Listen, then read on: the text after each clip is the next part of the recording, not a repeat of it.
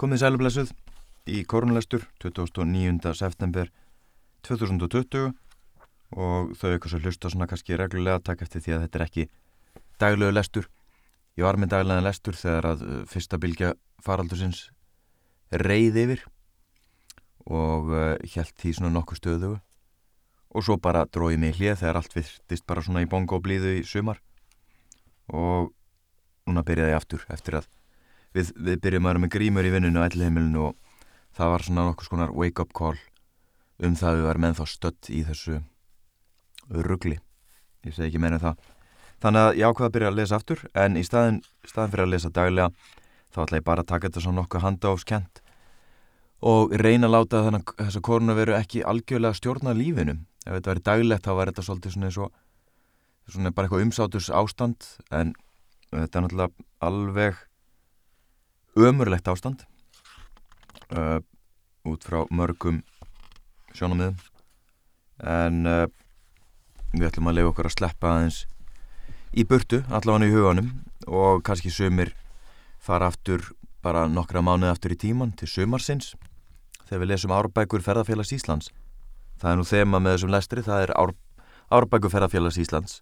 Og ég er svo heppin að eiga hér um beil allt sapnið alveg svona til 2000 og eitthvað og uh, kæra þakkir elsku frendi Óskar Jónatansson og uh, ég greip hérna niður í Árbók ferðarfélags Íslands frá 1976 því hún fjallar um fjallablags fjallablags leið siðri og margir sem ákomi landmannlegar engu tíman æfinni og upp í þetta mikla leindardómsfulla magnaða, fjölbreyta, litríka litskrúðuga uh, og fleiri fleiri viðandi lýsingar orð um þetta landsvæði sem er alveg satt best að segja kingi magnað held ég bara meðnóta þá orð. Ég var svo heppin að fara upp í landmannlegar ganga þar aðeins, ekki lögavein en bara svona aðeins að ganga þarna um um uh, svæðið. Eitt eftir með deg með kæðurstu minni áttum þarna índislegar stundir tjölduðum þannig að það er hlýja minningar þaðan svo er líka minningar að hjóla lögavegin og ganga lögavegin og við veitum marga sem að auðvitað hafa átt índislegar minningar og upplifanir þaðan. Þannig að við skulum bara byrja á Árbókferðarfélags Íslands frá 1976 og ég ætla bara að byrja á byrjunni þóttu við lesum auðvitað alls ekki alla þessa bók því að þessi árbók, árbók er, skal ég eitthvað segja að undanskildum auglýsingum í lokin en með orðalista þá er þetta 180 já, 190 okkar blaðsjur og auðvitað stór skemmtilegar auglýsingar hérna aftast eins og Kanada Dry Spur Kóla sem allir mun eftir úr Sótum og Reykjavík. En við byrjum bara á fyrsta kapla, eða sérst ingangi sem er til lesandans. Og þetta er svo fallur ingangur með fast bara rétt að byrja þarna. Til lesandans, auðnin hljóða ís og báls, árdagsglóðum hlínar, landið góða, förum frjáls, fjallaslóðir þínar. Hallgrimur Jónasson, landið góða, fer hendur á ferðaleiðum, blaðsja 21. og ég minna það að þetta er svona frekar eins og húslestur frekar en ekkur full frá gengin uh, hljóðbókalestur sem þó svo ég vinni sjálfur við hljóðbókalestur þá bara allavega þetta nokkuð frjálslegt hérna með mistökum og flettingum á blaðsýðum og ræskja sig og hitt og þetta Lesandi góður Við erum að leggja upp í langferð ætlum að skoða okkur um á fjallabaks leið sem lengi var svo nefnd en nú er oft kalluð fjallabaks leið siðri til aðgreiningar frá landmannaleið sem þá er nefnd fjallabaksleið nyrðri. Þetta er leiðin, milli byggða, á rángarvöllum og skaftartungu og leikur með torfajökul á aðra hönd en Mýrdalsjökul á hinna. Sértu akandi, eins og flestir ferðamenn nú á dögum skaltu samt ekki æða beint af augum eftir veginum, heldur gefa þér tóm til að staldra við og skema í kringum þig. Það er sá eini ferðaháttur sem vitir í þegar farið er um landið til að skoða það. Ég vonað ekki þurfa að byggja þig um að beita ekki fjallabílnum þínum, hvort sem hann er jeppaættar eða annarar, á örafaleiðir, utan götuslóða eða tróðninga. Öraf Íslands eru ekki heppilegur vettvangur fyrir æfingar í torfæri akstri og einn ógættil ákverðunum að vita hvað bílinn kemst getur valdið þeirri afsakið, getur valdið þeirri und und á viðkvæmri mósabrekku sem áratugi tekur að gróa Við skulum ekki skilja slíkar mennir eftir okkur.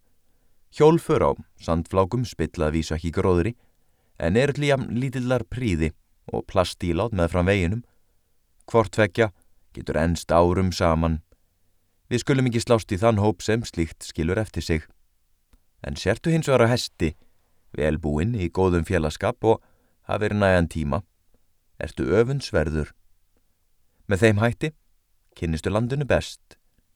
Þú þart líka í slíkri ferð að umgangast landið með verðingu og lífið með hlýju. Ég á að vera leðsögumæður þinn í þessari fjallabaksferð. Sumt af leiðinni hef ég farið oft, annað sjálfnar, en þar hef ég notað mér leiðsögn kunnur að manna og allt það sem ég segi þér, um nöfn og kennileiti á leiðinni, hef ég í fyrstu, frá öðrum. Reina mun ég að skila óbrengluðum fróðleik sem ég hef þann veg fengið og með góðum vilja ættirðu að geta haft nokkurt gagna af leiðsöguminni. Á þessari leið og annar staðar þar sem leið þín liggur um afréttarlönd landsins okkar, ætla ég að beða þig að minnast með virðingu.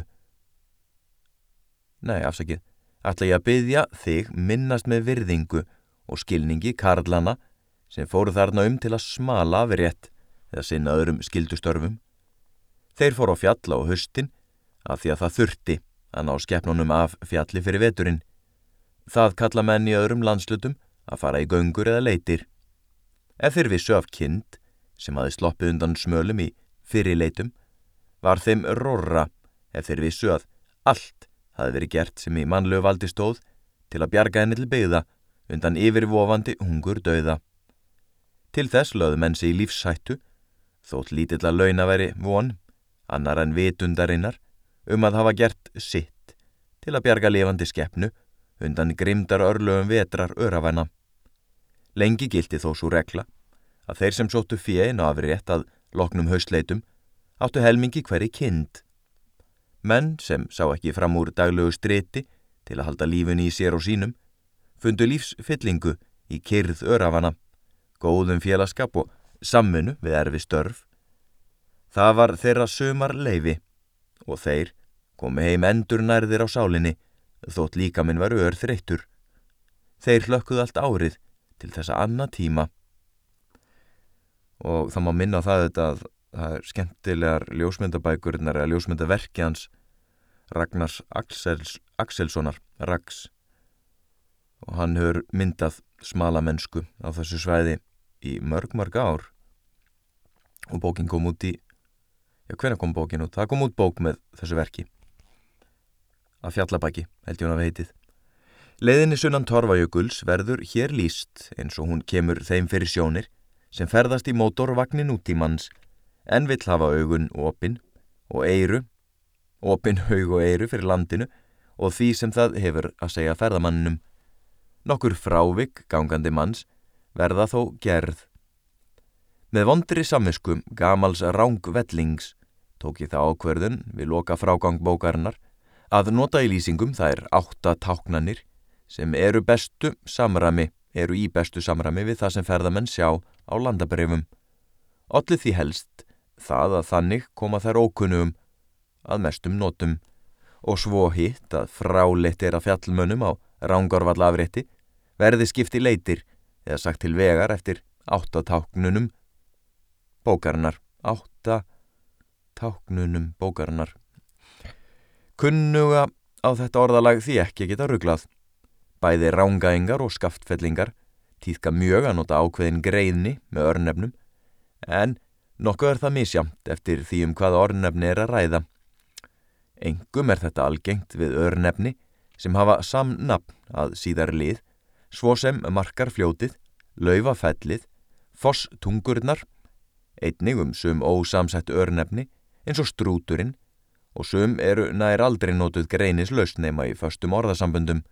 Svo er til dæmis um krókin en á eftir stefnu ákvarð, ákvarðandi atvegsorðum er síður notaður greinir, til dæmis inn á krók, hins vegar af króknum, en sumnöfnin eru vennilega ekki með greini, svo sem faxi, sáta. Þessu orðalagi, greini með örnefnum, kann, afsökjum, einum og frjálsett kannski hérna, kann ég best þegar um þessu nöfn er að ræða í laufaleitum, en ég veit að það stingur í augum og sker í eirum margra lesanda og því hef ég notað örnefnin, örnefnin með greini miklu sjálfnar en nokkur óspiltur rángvellingur myndi keri eðlileg máli. Skemmtilegt. Að örleiti hef ég kostað kapp sem að nota aðeins sama orðalag um afréttin og tíðka, tíðkast á rángarvöllum og áttatáknanir rángvellinga eru látnar að halda sér á lýsingunum um það hvernig skipt var í leitir. Jæja, skulum, skulum hoppa inn, skulum hoppa inn í fjallabæk, inn að fjallabæki, skulum hoppa, hoppa, hvað segir maður, hoppa á baku fjall, ekki bara segja það svo leis, hoppum baku fjall, hoppum að aðeins yfir ingangin, þetta er hans konar lýsingar og svona uh, útskýringar um uh, hvernig bókin nálgast áttir og lýsingar og það er vestur, norður, suðvestur og svo framvegis. Allavega við byrjum bara á fyrsta kapla landið, eitt, jarfræði og landslag. Út frá hálendi því sem nær yfir um þrjá fymtu hluta Íslands og tegir sér víða í 500 til 1000 metra hæð yfir sjávarmál ganga tungur eða tótur í allar áttir víða í sjófram svo sem millir fjarða og austfjörðum vestfjörðum og víðar. Inn í þetta hálendi skerast lálendir dalir og flatlendi upp frá fjarðarbotnunum. Sumstaðar hefur þetta þurrlendi í fjarðarbotnunum myndast við það að Vassföll hafa borið með sér leir, niður sorfið berg og jarðvegg, ofan af hálendinu. Ekki þarf annað en að líta á Íslandskort til að sjá hvernig slíkur framburður stittir smám saman fyrði og stakkar þurrlendi landsins með því að skafa jarðveg og bergmilsnu ofan af hálendinu og flytja það til sjávar. Skýr dæmi þessa eru fjarðarbotnar eins og fljótstals hérað, eigafjörður, skagafjörður og fjöldi smáfjörða og vika kringum mest allt landið. Hitt kann að vera miður ljóst við fyrstu sín að lálendi söðurlands undirlendis og skattafells síslna er að hluta orðin til á sama hátt við framburð stóra jökulvatna eins og markarfljóts og skaftfælskra vatna eða öllu heldur fyrir rennara þeirra bókstaflega talað. Fallit að heyra hljóðið í blaðsýðu flettingum Grunnsæfi það sem markarfljót hefur fyllt virðist í árdaga í loki Ísaldar fyrir um það byrj 10.000 árum hafa náði yfir allt það svæði sem nú eru landegar, kvólreppur undirlendi eigjarfjalla og læðina með milli fljótslíðar og eigjarfjalla jökuls, þangað inn eftir sem nú er Þórsmörk. En í Skaftafellsíslu, henni vestari, hafa vassföll fyrir löngu fylgtu flóa mikinn eða kvilt inn í landið, þar sem nú er lálendi Mýrdals sands, Altavers og Meðalands. Jökulhlaup vegna eldgósa á fyrstu og árþúsundirnar eftir Ísöld eflust verið stórvirkari við þessa yðju, en sírennandi vötnin, síðar aldatugi. Útfærsla strandlínunar við köttuhlaup er hans leifar þegar hamfara sem voru. Millið þessar lálendi svæða tegir sig hluti hálendisins, allt í sjófram, þar sem reynisfjalli Myrdal er. Til tiltöla skamstíma, 1660, náðu það einni til sjávar austanvíkur í Myrdal en má sjá í grænum brekkunum, austan og ofan kauptúnsins, götu tróning eftir hesta lestamanna sem urðað skáskera fjalls hlýðina, meðan úthafsaldan slekti klettana austan víkur, þar sem nú eru nokkri kílometrar til sjávar. En köllulaupið 1660 færði ströndinu út. Öll svo bergmilsna sem jökulvötn og jökullaup hafa rifið með sér, kemur að sjálfsöður þeim berglögum sem þau ruttust um áður en þau fjallu niður lálendið. Vötnin hafa sorfið niður fjallin, bæði ströymþungin og steinagnirnar sem vatni flyttu með sér. Ísaldar jökull sá sem kvíld á Íslandi þar til fyrir um 10-12 þúsund árum svo skipti hundruð metra á þygt, hafði raunar áður sorfið kviltir og dali niður í bergið sem hann kvildi á. Hér má skjóta því inn að í Íslandst berg, að Íslandst berg, hefur nær allt orðið til í eldgósum á þessum slóðum fyrir að minnstakosti tveimur til þrem miljónum ára. Sjáum það jarfræði Kortguðmyndar Kjartanssonar og jarfræði Þorlefs Einarssonar. Á tímum Ísaldarjökulsins voru ísaskil á hálendinu, líkt og vatnaskil og svo er raunar enn með jökla því að ísin sígur til allra átta eftir því hvernig landslægi undir honum er háttað. Sökum mikillar úrkomu á söð-austur hluta landsins var jökullin mjög þykkur á hálendinu frá vatnajökli í stefnu á Myrdalsjökul. Jökul rákir sína að þar hefur jökullin runnið bæði til söð-östurs á hafút og norðvesturs og vesturs í stefnu þanga sem nú eru Hofsjökull, Langjökull og Suðurlands undirlendið. Þar hafa því verið Ísaskil. Jarðlaugin austanlands og vestan hallast í meginadriðum inn undir landið. Því mætti hugsa sér að með sömu stefnu mættust þau langt niður í jörðinni undir meðjulandsins og ofan af þessa lægð sem þannig myndast hefur hlaðist jarðlög mynduði síðar í gós. Þetta er þó ekki skoðun jarfræðinga, heldur stiðst skýring þeirra nú við landreikskenninguna svonemdu. Þá kenningum á skýra í fám orðum á þá lund að fyrir nokkur hundru miljónum ára vorum einlönd Ameríku, Evrópu, þar með Asju og Afríku, einn samhangandi skorpu fleki, syndandi ofan á möttulefninu í yðrum jarðar. Síðan að skjóta einninni, hún var kallið Pangea þessi stóra eiga álfa síðan ripnaði þessi fleki frá norðri til söðurs og vestari hluta hennar hans tók að reka í vesturátt.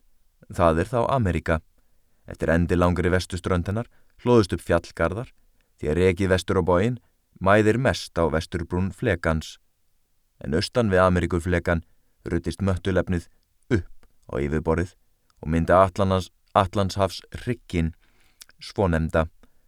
Löguninn á austurströnda Ameríku, annars vegar og vestuströnda Evrópu og Afriku hins vegar minna enn í dag á sprungu þar sem skagar og flóar standast á. Þessi samsvörun meilandana er skýr á venluum landabrefum og nattlíkonum en sérst þó enn betur ef skoðuð eru útmörk landgrunnsins út frá hverju meilanlandi. Það var Alfred Wegener sem kom upp með þessa eh, landreikskenningu og hann víst talin alveg gessanlega klikkaður þegar hann kom fram með þessa hugmynd. Og það hefur oft verið nota sem svona eh, ádela á uh, trúnað á vísindin. Ég með það kannski kalt henni við það að þessi fína vísindakenning hún var ekki alveg samþýtt í fyrstu.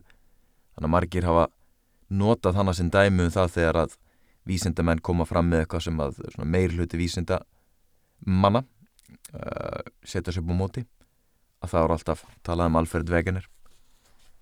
Sjánu til uh, svo bara heldur áfram hérna alls konar jarðfræði náttúrulega, við skulum hoppa aðeins inn og nær svæðinu sem umfjallar mm, já, nú er ég búin að missa hérna hluta sem var kannski svolítið mikilvægur, það er sprunga milli flekana, milli Amerikuflekans og Afriku-Európuflekans sprungan milli flekana vikar í sífellu, við erum að tala um sprungun á Íslandi núna. Og á brúnum sprungunar er jarðskjált að hætta meira en annar staðar. Þegar tognað hefur á berginum meira en það þólir, brestur það. Jörðin ripnar, yfirborsprungur myndast og jarðskjáltar verða, kannski langa er lótur, þá verða stundum eldgós. Svæðin sitt korum yfir sprunguna færast sundur með hraða sem hefur ekki verið mældur nákvæmlega en er áallaður 1 cm í hvora átt ári. Það er geysilur hraði á mæli hvarða í arfræðinar, þar sem ekki er talað um skemmri tíman miljón ár, nema á yngstu svæðum, eins og Íslandi. Menn hugsa sér að fastlendi og fjöll eigi vera kyrra á sínum stað, en frá upphafi Íslandsbyðar eru ekki nema 1100 ár, eitt andartak í sögu jarðarinnar og 60 manneski hefur lifað meira en 20. hluta þess tíma. Á þessum tíma hafa fjöllin á vestur og austur Íslandi færst í sundur um 22 metra. Nei, hver hans skoti? 1 metra á æfi meðal, meðaldra manns. Þessi ferðarhraði fjallana er því 20 km á miljón árum. Skemmtilegt. Mm, við langar alltaf að fara aðeins nær svæðinu sem um ræðir. Því fjær sprungunni sem slíkar megin eldstöðar er, það er ekki hægt að missa úr svona ómissandi fróðleik hérna. Við erum samt að reyna svona aðeins að fikra okkur nær fjallabags leið siðri Stór svæði eru þakkinn raunum og öðrum gósefnum sem hafa komið vel upp við eldgós eftir Ísaldarjökullin Jökullin listi afsakjaðar að komið. Árið síðlega kvölds ég er búin að lesa svolítið slatta í dag farin að mismala með hans Þar hefur þungi hans og reyfing því ekki jafnað yfirborðið. Slíkt gósbergs yfirborð sem aldrei hefur leiði undir jökli nefnum við raun. En hafi farg Ísaldarjökulsins pressað og slípað bergið og þann veg breytt yfirborðu þess. Er ekki venja að nefna það raun afsakið.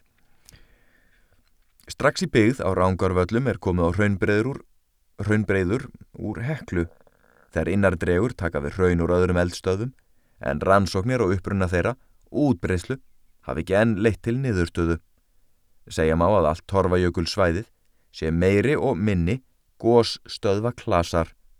Ein mesta sprungan verðistur um skignis hlýðar, laufafell og rappntinnur raun.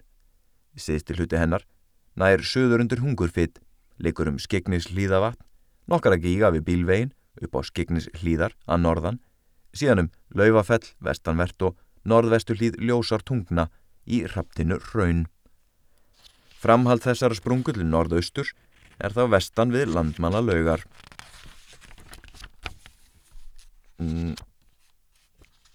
Og hér er fjallað um eldgós, ég venn nú að minnast uh, áhugavers jarfræðing sem ég hitti þarna, þarna, ekki þarna, þarna í landmannlaugum fyrir um það byrj 6-7 árum síðan og var að taka upp efni í útarstætti fyrir áseitt og tók skemmtilegt viðtali mann sem að eftirnafnið hans er Tuff, T-U-F-F held ég sem er sama á Palaganæ Tuff sem er Móberg mjög viðeigandi. En hann var að rannsaka torfaugulsvæðið og ég manna hann lístiði fyrir mér að gisti tjaldið þarna upp frá sem hann gerði stórn hluta sumars breskur maður. Breskur eða skoskur. Og hann sagði mér að hann dreymi hann dreymdi á nóttinni í tjaldinu sinu þá dreymdi hann eldgósin sem hefði átti stað. Og ekki svona á martraðakjandanhátt en einhvern veginn bara svolítið eins og maður ímynda sig sko David Attenborough eða svona Carl Sagan lýsingu náttúrulífs uh, lýsingar á náttúru og, og alls konar fyrirbærum á þennan ótrúlega innlifunar hátt. Og var þannig sem hann lýst þessu sem maður skemmtilegt viðtal Jæja, við hoppum yfir í gróður og dýralíf uh, og til að einfalda þá er mikið raunum og söndum og uh, líparíti líparitt sér í lagi á þessu svæði fyrir þá sem að kannski eru síður kunnir litrik fjöll, raun, mosi, heitar upp sprettur hér og þar, söðfi á stangli og gungufólk. Gróður og dýralíf. Megin hluti þess svæði sem fjallabaks leið siðri likur um og umverður fjalla í þessari bók er í 300 metra hæð og þar yfir flatlendi allt upp í 600 metra en fjallatindar upp í yfir 1200 metra. Jarðvegur er mísjapn, sem staðar góð gróðurmold, annar staðar blönduð fóksand eða eldfjall ösku og enn ber sum staðar mest á ösku, fóksand eða berum klöppum. Úrkomumagn mun vera mjög mísjamt en það er ókannað. Allt þetta veldur því að lífskilirði plantna eru æði mísjöfn en á gróðri byggist allt dýralíf, bæði smarra og stóra. Eins og framkymur í kaplanum um jarðfræði og myndun svæðisins er allt berg á fjallabagsleið ungt, við, eld, myndað við eldgós fyrir tiltölulega fáum öldum eða aldatugum, hefði eldsta undur jökli fyrir fáum tug þúsundum ára sem er móbergið. Af því leiðir á þessu svæði er hvergi að venda nefna stengerfinga, korki plantnan eða dýra. Kröfurlífer allum umhverfisins eru misjafnar. Stærri dýr geta auðveldlega millir staða, í annað, heppilegra umhverfi ef þar bjóðast betri lífskilirði, minni dýr háðar í staðnum og plöntur bundnar honum. Fljótlega eftir jökull hverfur fer gróður að festa rætur á jökul urðunum, fyrst mósar og nokkrar blómplöntur. Þá hefst strax nokkur jarðvegsmyndun. Ríkur loftunum hjálpar til að því kemur að töltölulega þjættur, tiltölulega þjættur gróður, gras og mósi er komin á nokkru sentimetra þykkan jarðveg ef önnur skilir því leifa. Áfokk, hraðar jarðvegsmyndun og til að mynda má víða í skaftartungu sjá þykkan jarðveg sem hefur myndast að verulegu leiti vegna áfokks, fóksandurinn er jáfnvel alveg upp í grasrót. Misjöfn úrkoma verist ráða mestu um mismunandi gróður far en annað þessu svæði. Úrkomu mælingar hafa þó ekki verið gerðar en af úrkomu dreifingunum um land allt má ráða að á austur hluta þessa hálendis sé hún miklu meiri en á vestur hlutunum. Áhugavert. Og næði úrkomi ríkari hlutin þá nokkuð inn fyrir hálendisbrúnina. Það er inn yfir skaftár tungu heiðar og vestur undir holmsá. Þessi úrkoma á austanverðu verðist hafa orðið til þess að halda þar við gróðuri, vinna meira móti öskun úr köllu sem þarna hefur oft dreifst yfir og kæft gróður. Hins vegar dregur úr úrkomu þegar kemur inn yfir hálendi austanvert, enda mingar gróðurinn þegar nær dregur holmsá og vestan hennar á mælifellsandi er á stórum svæðin varla stingandi strá. Að einhver leiti, að minnstakosti, stafar þessi úrkomu munur af því, hlustinn takk nú vel eftir, að fjöllin austan og sunnan úrkomu snauðasvæðisins, Mýrdalsjökull og Skaftártungu heiðar, taka til sín úrkomuna svo mælifellsandur og lálendu austan hans eru í skjóli jökulsins og heiðana að þessu leiti í regn skugga þeirra eða regn vari eins og það heitir á máli vísindana. En úrkomu megin í hálendinu getur þá verið mikil úrkoma þótt í regnvarinu sé of þurft fyrir gróður. Á fjallabagsleið austanverðri bætist það og við regnskuggan af heiðunum og jöklinum að bergi allt er óþjætt mest nýleg raun sem vatn hripar gegnum. Lífskilirði fyrir gróður eru því slæm, oflítil úrkoma, oflítil raki í jarðveginum og svo er mælifellsandur í um 600 metra hæð. Gróðurinn og skaftartungu heiðum og annar staðar á hálendinu getur þrifist upp í þessa hæð og hærra ef hann fær næga úrkomu. Eitt af engjanum fjallabagsleiðar er að þar er hverki þar er hverki kalvið að finna nýja önnur merki þess að þar hafi verið kjarni skóran einu tægi smávaksnar viðutegundir, grasviðir og loðviðir eru þó þar svo sem í 5-600 metra hæð á kroknum með fram kvítmögu í kvankili einu uppmallar skaftortungu heiðar og víðar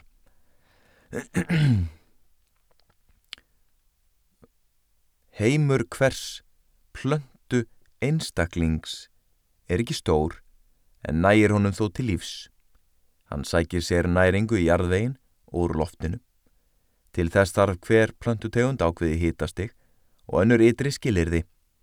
Slík skilirði geta verið á tilteknum mjög afmörkuðum svæðum, jáfnvel í litlum lautum, þóttu utan við lautina séu lífskilirðin allt önnur. Engum á þetta við þegar komir í mikla hæði yfir sjáarmál. Þá má sumstaðar sjá gróður belti í litlum lautum. Einn tegundin tekur við af annar í brekkunni, þannig að fara sentimetra hæðarmunur getur ráðið úrslutum um það hva, hvaða plöntur þrýfast best. Í lautinni litlum ríkir þá sérstakt lofslag, annað í botni lautarinnar en í nýjahæð ofan hans. Það nefna grasafræðingar mikrolofslag en við hinn getum kallað það smá heima lofslag fallet orð eindislegt, minnum ég svolítið á hérna, fær mér bara til að hugsa um David Attenborough, liggjandi á njánum og maðunum, eitthvað staðar á Íslandi Hálendi Íslands eða Suðurskurslandinu eða Norðurslóðum eða í Ölbónum eða í Eidumörkum Ameríku hvar sem hann hefur farið, Suður Ameríku eða Afríku, hvar sem hann hefur farið þessi þættir engali plantna voru stórfenglegir. Maðurinn á hátindi ferilsins á sjötusaldri, þeim tíma, núna 93 ára þetta voru bara mjög skemmtileg þættir. Þannig að svona lýsingar skemmtilegar landslags og náttúru og dýralífs og plöntulýsingar eins og er þessar árbók, árbók það er vekja alltaf fram svona þessa mynd af David Attenborough. En það má minna svo að það að öllum þeim þúsundum oft tökþúsundum einstaklinga og þegar að túrismin var hérna við líði, það er jafnvel hundruð þúsunda kannski, á hverju sumri sem að löðu leið sína upp á Hálendi Íslands örgla tökþúsundir þar á meðal hafa verið einstaklingar sem hafa örgla leggst á magan og skoða plöntur með stekkunagleri og mikrolinsum og eitthvað hvað hvað. Þannig að það er skemmtilegt að hugsa til þess að við hinn sem kannski erum ekki í ykkurum, ykkurum sjómasbransa, við liggjum ekki á maganum með eh, myndavel fyrir framann okkur takandi mynd af okkur og plöntunum en það eru margir með ólík áhugamál og það er skemmtilegt að hugsa til þess að upp á Hálandi er ekki bara landslags ljósmyndarar sem er að fanga þessa mögnuðu byrtu og landslag Hálandisins heldur sumi líka bara að líta á litlu plöntunar ja, núna er ég byrjað eitthvað rambling og klukkan er að verða halvellu á kvöldi til. Við ætlum að segja þetta gott, ég ætla að halda áfram með Árbókferðarfélags Íslands frá 1976, Fjallabags leið siðri og í næsta lestri þá ætla ég að tilengan bræðurum, miklum snillingum sem að buðu mér að vera í samflóti ákveðna leið frá ja, sunnaverðir heklu inn í landmannlegar ég komst ekki alveg eins og skot þannig að þeir brunið á stað, ég fór hefbundulegina og þessir miklu mistarar lendu í einstaklega áhugaverði ferð og ég hitti þá fjórum-fimm klukkutímum síðar upp í landmannlegum eftir ja, mikið, mikið hark af þeirra hálfum. Bræðunir hó, þeir uh, kláruðu verkið komist á leðaranda og með létt skap. Það er eitthvað það sem bara þá yfir þessa, þessa torfærir en allavega við höldum áfram með fjallabagsleið siðri í næsta korunlestri hvort er maður verið á morgun eða þarnast að sjáum bara til. En ég bara hveð ykkur og höfum þetta bara einfalt uh, haldið geðhelsunni og helsun og allan áttu þetta eins og, og mögulega stækt er og uh, hvet ykkur til að ringi ætti, eldri ættingja líka þetta eins og ég hef oft nefnt að spjalla um og spurja út í kannski ímis landsvæði, ferðalög náttúru, gróðulíf, dýralíf, leitir, fjallgöngur klefur, tjaldferðir og svo framvegis og svo framvegis. Verðið sæl.